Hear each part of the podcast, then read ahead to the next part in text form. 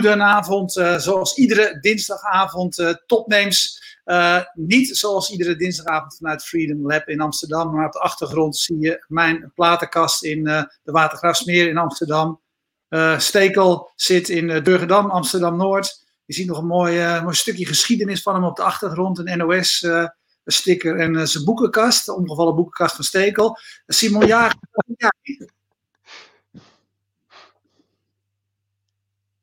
Simon, hoor je me? Ja, ja, ik hoor je. Ja. Waar zit jij? Ik zit in Huizen, vlakbij uh, Hilversum. En de locatie, wat, wat, waar kijken we naar? Ja, ik zit in de schuur. Want uh, ik heb drie kinderen die uh, nogal luidruchtig zijn. Dus ik heb mijn kantoor in de schuur gedaan. Want dan heb ik er nog een bijkeuken tussen. En dan pas ja, het leven. Dan pas het leven. Hey, uh, wat is jouw uh, dagelijkse leven, zeg maar je werkzame leven? Uh, je bent van Semiotic Labs. Wat doen jullie? Wij um, hebben een predictive maintenance systeem ontwikkeld voor kritische elektromotoren en rotating equipment, zoals pompen, compressoren, transportbanden. Dat op basis van de analyse van stroom- en spanningssignalen voorspelt of wanneer en waarom deze assets gaan falen, zodat onze klanten ongeplande stilstand kunnen voorkomen en flink kunnen besparen op energie en CO2-uitstoot. Geef eens een voorbeeld van een, een, toepassing daarvan bij een, bij een willekeurige klant. Maak het eh, even uh, concreet, wat bedoel ik eigenlijk?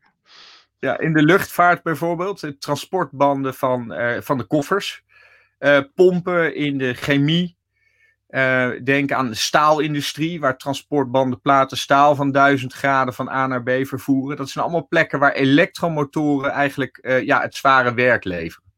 En die monitoren wij. Ik zag dat KLM een klant van jullie was. Um, uh, wat heeft KLM aan jullie? Schiphol. Um, ja, voor Schiphol monitoren we het bagagesysteem. Dus die, um, ja, dat zijn ongelooflijk veel motoren in de kelder. En uh, net zoals op alle andere plekken gaan ze ook daar wel eens stuk. Nou ja, dat, eh, dat in sommige gevallen zorgt dat ervoor dat zo'n systeem uh, een paar minuten tot langer uitvalt. Ja, en dat is vreselijk vervelend voor de passagiers, die dan mogelijk moeten wachten op een koffer. Maar natuurlijk ook voor het personeel die dan weer achter de feiten aanloopt, omdat ze ja, vertraging hebben in hun, in hun werk. dus eigenlijk voor al dat soort systemen geldt, of eigenlijk voor alle machines in de hele wereld. Die worden bijna zonder uitzondering aangedreven door draaistroommotoren, AC-motoren. Uh, er zijn er 300 miljoen van in de wereld.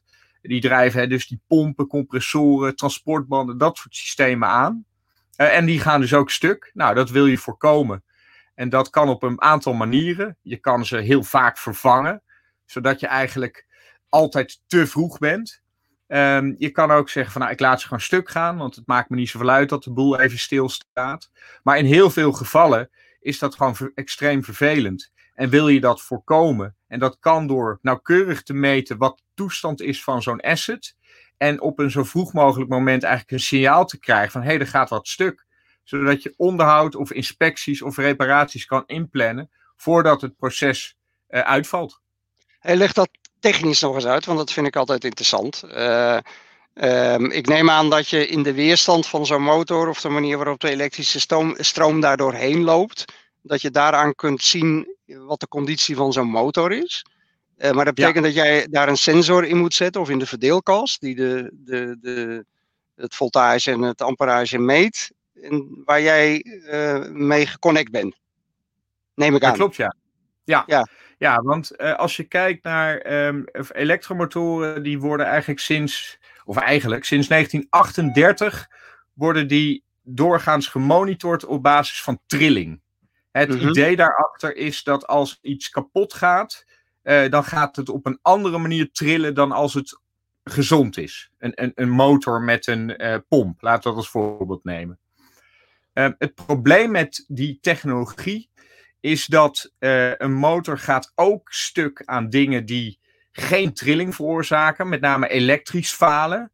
Uh, dus dat kun je daar al eigenlijk niet goed mee vangen. Daarnaast is het ook nog zo dat je meerdere sensoren op zo'n systeem moet plaatsen. Dus je moet er doorgaans twee op de motor plaatsen en twee op bijvoorbeeld de pomp. Nou, dat is gebeurt altijd in het veld.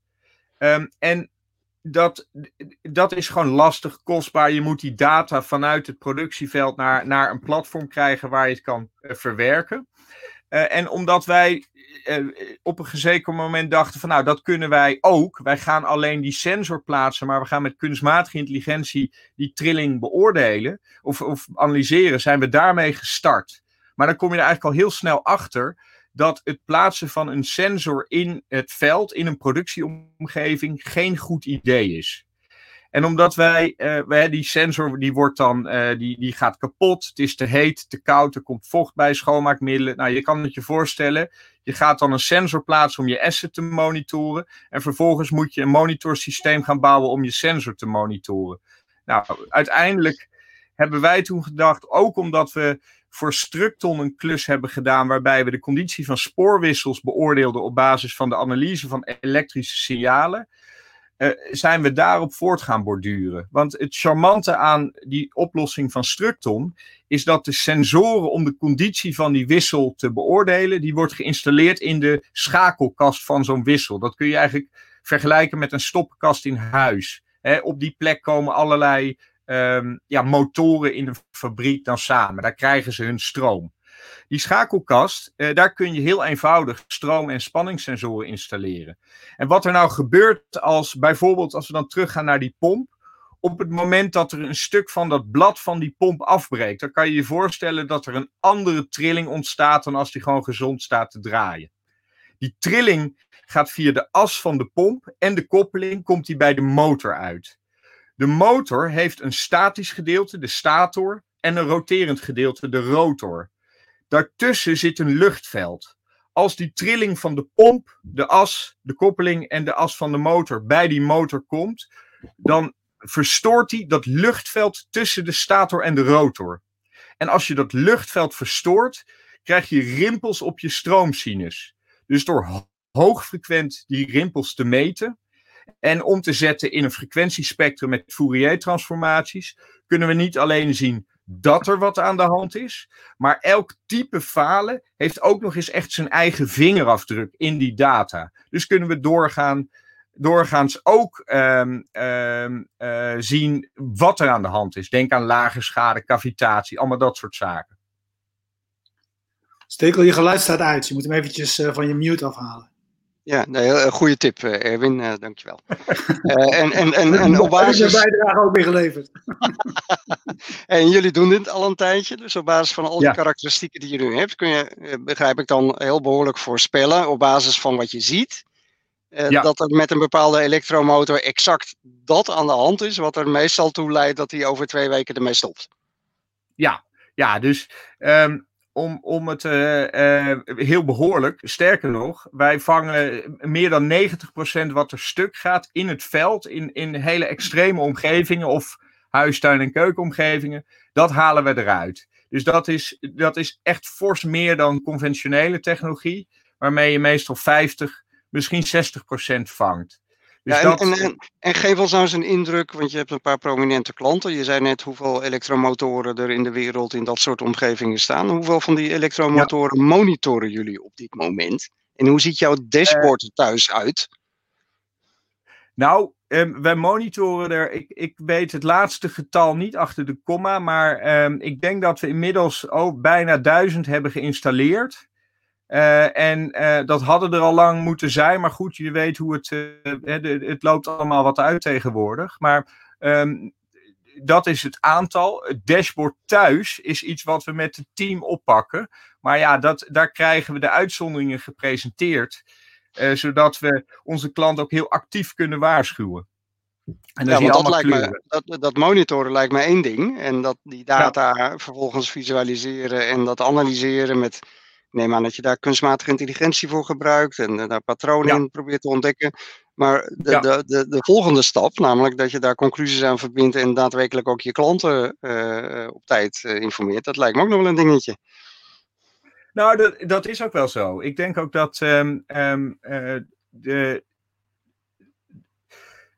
Ja, ik, wat ik niet had verwacht is, tenminste, wat onze klanten het meest waarderen is juist het contact met de maintenance engineers bij ons, uh, die met onze data scientist uh, ook in contact staan met de klant. Omdat er, um, het is vrij nieuwe technologie. Wij vinden natuurlijk dat we heel knap zijn en heel ver zijn, maar je hebt nog steeds wel eens dat, dat het gewoon niet helemaal duidelijk is. Van hé, hey, we zien een patroon, we zien bijvoorbeeld aan de manier hoe het ontstaat en hoe het zich ontwikkelt over tijd, dat het duidt op een mechanisch probleem aan de motor. Maar wat dat dan precies is, ja, dat, dat is nog niet altijd duidelijk. Eh, wij, hebben niet honderd jaar geschiedenis met allerlei voorbeelden uit het verleden. We moeten dat wat dat betreft zijn we aan het pionieren.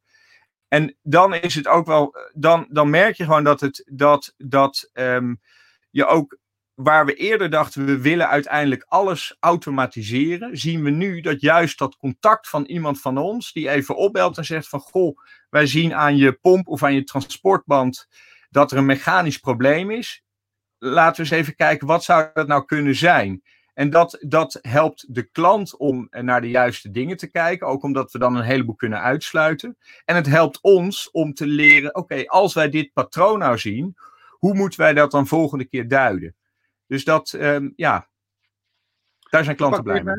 Ik pak even een paar vragen van uh, Johan Schaap mee, uh, de man die uh, thuis op de bank ja. meekijkt, jou uitgenodigd heeft. Ja. Daarvoor dank. Hij zegt zo'n zo voorbeeld als nu. Kun je daar iets over zeggen? Hoeveel bespaart een klant hiermee? Kun je dat, kun je dat in percentages? Kun je, kun je dat ergens in uitdrukken? Ja en nee. Het, het verschilt enorm um, per klant en per applicatie. Uh, bijvoorbeeld ook als iemand 24 uur per dag productie draait, dan is elk uur uitval gelijk al heel kostbaar. Als die uh, ja, tussen, tussen 9 en 5 spullen maakt, en hij valt een keer een halve dag uit. Dan zegt hij: Jongens, volgende week allemaal een uurtje extra. Hè, dan zijn we bij. Dus dat zijn bijvoorbeeld. Er zitten gewoon hele grote verschillen bij. Wat je wel kan zeggen is dat. Het wordt doorgaans interessant op het moment dat een incident 25.000 euro of meer kost. Uh, dus als het uitvallen van zo'n machine 25 mil kost, dan, dan begint het, uh, de financiële business case uh, rond te komen, als het ware. Ja, ja dan, zijn, dan zijn jullie een interessante partij voor een, voor een bedrijf. Ja, wij raden het eigenlijk altijd aan, maar onze klanten die gaan er pas mee akkoord op het moment dat de kosten wat hoger zijn. Ja. ja. Ja, hij vroeg eerder uh, ook wel iets interessants. Dat is natuurlijk een vraag waar we niet om, omheen uh, komen in, in deze tijd. Johan zei, valt er nu iets te monitoren voor jullie vanwege uh, COVID? Wat is de impact op jullie bedrijf? Um, ik vind dat nog moeilijk in te schatten. Wat je wel direct ziet, is dat een hoop implementatietrajecten de afgelopen twee, tweeënhalve weken en eigenlijk daarvoor ook al een beetje, toch wel, um, nou ja, eerst uh, laten we zeggen wat wijfelend over werd gedaan en nu uiteindelijk gewoon worden uitgesteld. Dus dat is heel duidelijk uh, een gevolg voor ons waar we gewoon last van hebben. Um, ja, verder als we kijken naar de, de, de wij zien Tenminste, het is niet opgevallen dat er fabrieken echt stilstaan. Ik heb daar. Eh, en als dat op grote schaal gebeurd zou zijn, dan had ik dat zeker wel gehoord. Dus dat, dat merken we nog niet. Um, wat we wel van klanten ook horen, is dat zij verwachten dat juist dit soort slimme technologie, nog even los van of het van ons komt of wat van anders, maar dat er wel. Um, ja, dat, er, dat daar steeds meer naar gekeken wordt. Juist om in dit soort situaties ook wat meer stabiliteit in zijn organisatie te krijgen. En wat minder afhankelijk te zijn van uh, mensen die aanwezig zijn. Um, ja.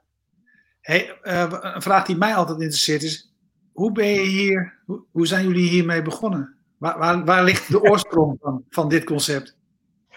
Nou, ja, Um, ik, ik, had een, ik heb in 2015 in het begin daarvan een boek gelezen over een algoritme dat de hersens nabootst. Um, en um, ik wilde dat toepassen in de, uh, in de zware industrie, in, op echte machines. omdat, ja, weet je, bedoel, de, de, er gebeurt heel veel met kunstmatige intelligentie, maar op dat moment in de industrie met stampende machines die stuk gaan, daar was eigenlijk niet zo heel veel mee. Dus ons ja, voor, de, voor, de, voor, voor de record heb ik niet zelf bedacht, maar ik las het ergens. Dat is het boek uh, On Intelligence van Jeff Hawkins, las je? Ja, ja, dat klopt, ja. ik heb het toevallig ook gelezen. En uh, dat is inderdaad een fascinerend boek. Uh, maar maar de, de stap van zeg maar, het algoritme wat daarin beschreven wordt, wat de menselijke hersens nabootst, naar denken van nou, dat ga, dan ga ik een sensor maken die een elektromotor kan monitoren, vind ik nog best wel groot. Leg eens uit. Ja, ja dat, dat was een, een, een, een pijnlijk uh, proces ook. Uh, ons idee, mijn idee, was de, ik komt, is heel veel data beschikbaar in de industrie. Hè, want tegenwoordig alles met een stekker heeft een sensor en vaak ook wel meer. en we dachten, nou, we gaan al die data, of het idee is eigenlijk heel simpel. Beste klant, jouw data, onze algoritmes en we kunnen daarmee waarde creëren en dan willen we een deel van die waarde zelf houden. Dat was het commerciële aspect van uh, de onderneming. Um, maar daar dat, dat idee was, uh, zoals zo vaak bij mij, fantastisch. Maar de uitvoering uh, ja, bleef wat achter. Met name omdat op de eerste plaats dat het feit dat er veel data is, betekent zeker niet dat er veel waarde in die data zit vanuit een betrouwbaarheidsperspectief. Uh, een tweede punt is dat uh, wij, wij, wij, zijn vanaf het begin af aan hebben ons gericht op de wat uh, grotere bedrijven. denk aan partijen als ASML en Heineken, waarmee we toen die klussen deden en Structon. Um, maar dat zijn ook bedrijven die doorgaans heel erg zuinig zijn op data. En er vaak dan ook wat langer over doen om het vrij te geven. Hè. De, de tweede, derde vergadering begint er iemand over data governance. En dan de ene helft van de tafel die vraagt zich af, wat, wat betekent dat ook alweer? En de andere helft die weet van nou tel er maar drie maanden bij dat project op. Dus we zaten eigenlijk steeds in een situatie waarin we lang moesten wachten totdat we toegang hadden gekregen tot die data. En als we hem hadden, zat er lang niet altijd waarde in. Dus toen dachten we, nou, als dat steeds het probleem met die data is. Eh, want aan enthousiasme geen gebrek, ook niet bij de klanten. Maar dat die data was steeds een probleem. Toegang en kwaliteit daarvan. Dus toen dachten we, nou dan gaan we zelf aan de slag met uh, trillingssensoren. Want als je dan gaat googlen van hoe kan ik de conditie monitoren, dan ja, dat trilling is hoe dat gebeurt. er is dat, ik geloof dat meer dan 97,5% van alle conditiemonitoringsystemen zijn in, of volledig trilling gebaseerd of in hoge mate op dat fenomeen. Um, dus onze gedachte was van nou, als we nou die technologie uh, verbeteren door kunstmatige intelligentie toe te voegen, dan kunnen we um, alsnog met AI in die industrie aan de slag. Uh, maar dan loop je tegen hele praktische problemen aan. Dat hè, een sensor installeren in zo'n omgeving is kostbaar. Die sensor gaat stuk. Veel kun je ook gewoon niet vangen, omdat een heleboel schadepatronen zich niet als een fysieke vibratie manifesteren. Dus um, toen dacht we, ja, was het eigenlijk barsten of, of breken. En een van de, nou ja, gedurende het hele traject moet je ook gewoon behoorlijk veel geluk hebben. Uh, en uh, een van de gelukkige dingen die we hadden meegemaakt, is dat we een klus hadden gedaan met Structon voor spoorwissels op basis van stroom. En um, ja, dat, daar kwamen we behoorlijk ver mee, terwijl die datakwaliteit nou ja, eh, laat zeggen, uh, iets anders is dan wat we nu gebruiken. Dus wat we toen hebben gedaan is gezegd van nou, als we niet, als we nou eens honderd keer meer of duizend keer meer per seconde meten, wat kun je dan zien? En zo zijn we eigenlijk uh, van start gegaan. Ja, wat, wat is het voor jullie uh, toekomst niet ingewikkeld? Dat, dat de trend is natuurlijk uh, dat eigenlijk alle fabrikanten van cruciale apparatuur inmiddels zelf sensoren in uh, kritische onderdelen van productielijnen bouwen. Um, zijn jullie een tussenoplossing wat dat betreft? Nee. Um, nee, nee, want eh, de trend die je beschrijft, die zien we ook. Um, dan, dan nog steeds blijft de vraag: wat is de beste oplossing voor het probleem? Um, ik denk dat, dat in zijn algemeenheid geldt dat, uh, er, dat ook de, de, de, um, de technologieën veranderen, sensoren worden goedkoper, batterijen kunnen veel langer mee, um, dataverbindingen worden veranderd, ja. Precies. En daar, dus in zijn algemeenheid zullen wij als bedrijf ook voortdurend ons moet, de vraag moeten stellen: zitten we nog op de goede weg? Moeten we bepaalde trends volgen? Moeten we misschien andere data gaan toevoegen? Um, dus dat is al, ja, dat, dat is geen dagelijkse kost, maar zeker iets wat we geregeld met elkaar bespreken. Dus in die zin heb je gelijk dat, dat ook wij zullen gaan veranderen. Ehm, maar een tussenoplossing. Um, wat, enerzijds heb je de meeste van de assets die wij monitoren, die worden gebouwd om tussen de 10 en 30 jaar mee te gaan. En daar zitten bijna nooit sensoren op. Dus je zal nog een hele lange tijd sensoren bij moeten plaatsen. En als je iets bij moet plaatsen, zijn wij in mijn ogen de beste kandidaat. Daar zullen anderen misschien anders over denken. Maar dan zijn we in ieder geval een serieuze optie. Daarnaast is het zo dat wat ik eerder verwacht, is dat um, onze technologie steeds meer geïntegreerd gaat worden met de machines en met de frequentieregelaars die nu ook meegeleverd worden. Dus, in, um, dus dat, ik denk dat het eerder ook die kant op gaat. En tenslotte, um, waar wij ons nu in bekwamen is in zekere zin in het analyseren van time series data, zoals zo'n stroomsignaal. En dat kun je met een paar aanpassingen ook op hele andere datastromen uh, toepassen. Dus um, volgens ons businessplan zijn we zeker niet een tussenoplossing. Uh, en in de praktijk zien we dat eigenlijk ook, dat we het gewoon goed doen. Ja, hebben jullie concurrenten eigenlijk? En wie zijn dat? Er zijn vooral alternatieven. Um, de conditiemonitoring, de, de geëikte manier uh, is trilling. En da daar, zie je ja. daar zie je gewoon de grote spelers zijn daarmee bezig. Um, er zit in Polen een partij uh, die, die uh, op een vergelijkbare manier hiermee aan de slag gaat. En in Amerika ook. Het grote verschil is vooral de manier van dataverwerking. De manier van het toepassen van kunstmatige intelligentie. Waar anderen um, een, een, modelgedreven aanpak uh, hanteren, hebben wij een datagedreven aanpak.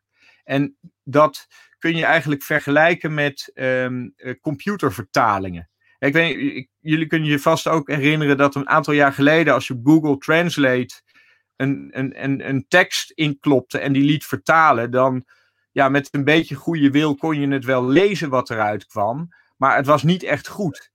En dat komt omdat een taal, net als een elektromotor, een, ja, toch wel een vrij complex uh, fenomeen is met heel veel regels. Als je een taal wil modelleren, moet je ontzettend veel regels programmeren die ook nog allerlei afhankelijkheden hebben. En zo is dat ook voor elektromotoren. Dus als jij een model wil maken van een taal of van een elektromotor, dan moet je niet alleen een heleboel regels samenvoegen, maar dan moet je die regels ook nog bijvoorbeeld afhankelijk maken van het vermogen wat die moet leveren, de buitentemperatuur, of die uh, linksom of rechtsom staat opgesteld. Uh, dat soort elementen. En dat is niet te doen. Wat Google op een gegeven moment heeft gedaan, is die hebben uh, machine learning technologie gebruikt om te zeggen, in plaats van dat ik regels ga opstellen uh, op basis van mijn kennis van taalregels en die ga toepassen op tekst, ga ik de tekst mij laten vertellen wat de regels zijn. En dat kan door te zeggen, bijvoorbeeld, um, de Europese Unie brengt natuurlijk een heleboel documenten uit, waarbij bijvoorbeeld de bron dan Engels is. En kundige vertalers met de hand dat vertalen naar het Duits. Als jij 100.000 Engelse teksten aan Google of aan een algoritme geeft en zegt: dit zijn de correcte Duitse vertalingen, dan kan zo'n algoritme een heel mooi, een, ja, als het ware een eigen model opbouwen, gebaseerd op die data, dus data-driven. Dat hebben wij ook gedaan met die motoren. Dus onze aanpak is nadrukkelijk heel anders en wij vermoeden beter. Ja, zit, zit daar doordat jullie die analyses hebben gemaakt uh, ook unieke kennis in? Dingen die jullie die echt uniek uh, maakt? Dus in je, in je kennis van die karakteristieken van die motoren? Want weet je, ik neem aan, dat wist je van tevoren ook niet. En uh, weet je, heb je nee. echt uit de data moeten leren. Nou, de, het heeft, de aanpak werkt heel goed, alleen heeft een redelijk lange aanloopperiode nodig, omdat je afhankelijk bent van de voorbeelden van falen. Uh, mm -hmm. van de, de, de, leermomenten, zoals ze dat uh, noemen. Um, dus ja, dat, dat duurt wel even voordat je dat onder de knie hebt.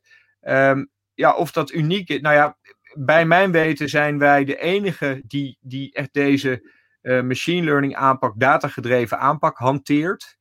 Um, maar net zoals wij dat ook niet helemaal blootgeven aan anderen. Ja, ik kan niet helemaal uitsluiten dat anderen dat ook zo doen. Maar het zijn er heel weinig.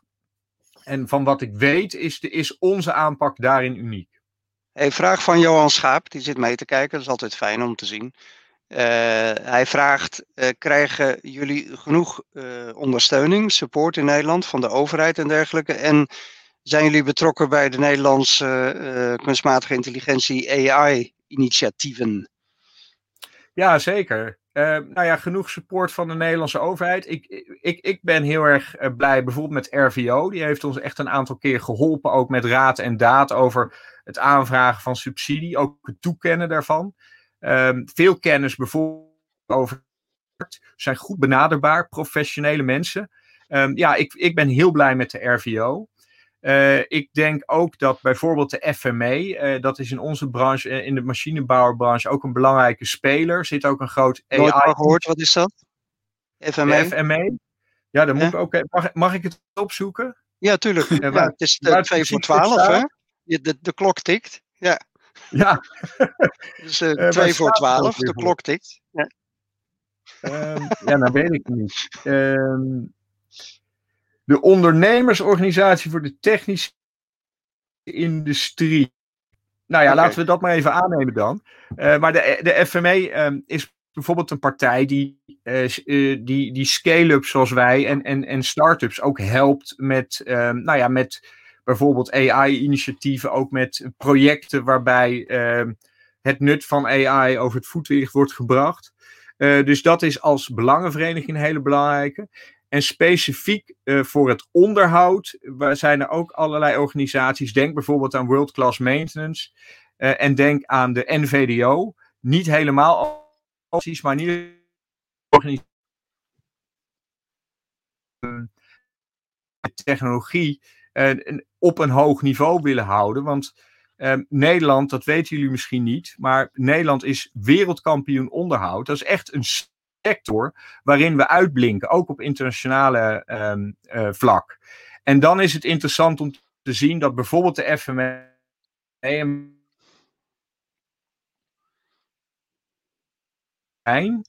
dan ook proberen om op een terrein waarin we al wereldkampioen zijn, dat vast te houden door juist daar te investeren in kunstmatige intelligentie.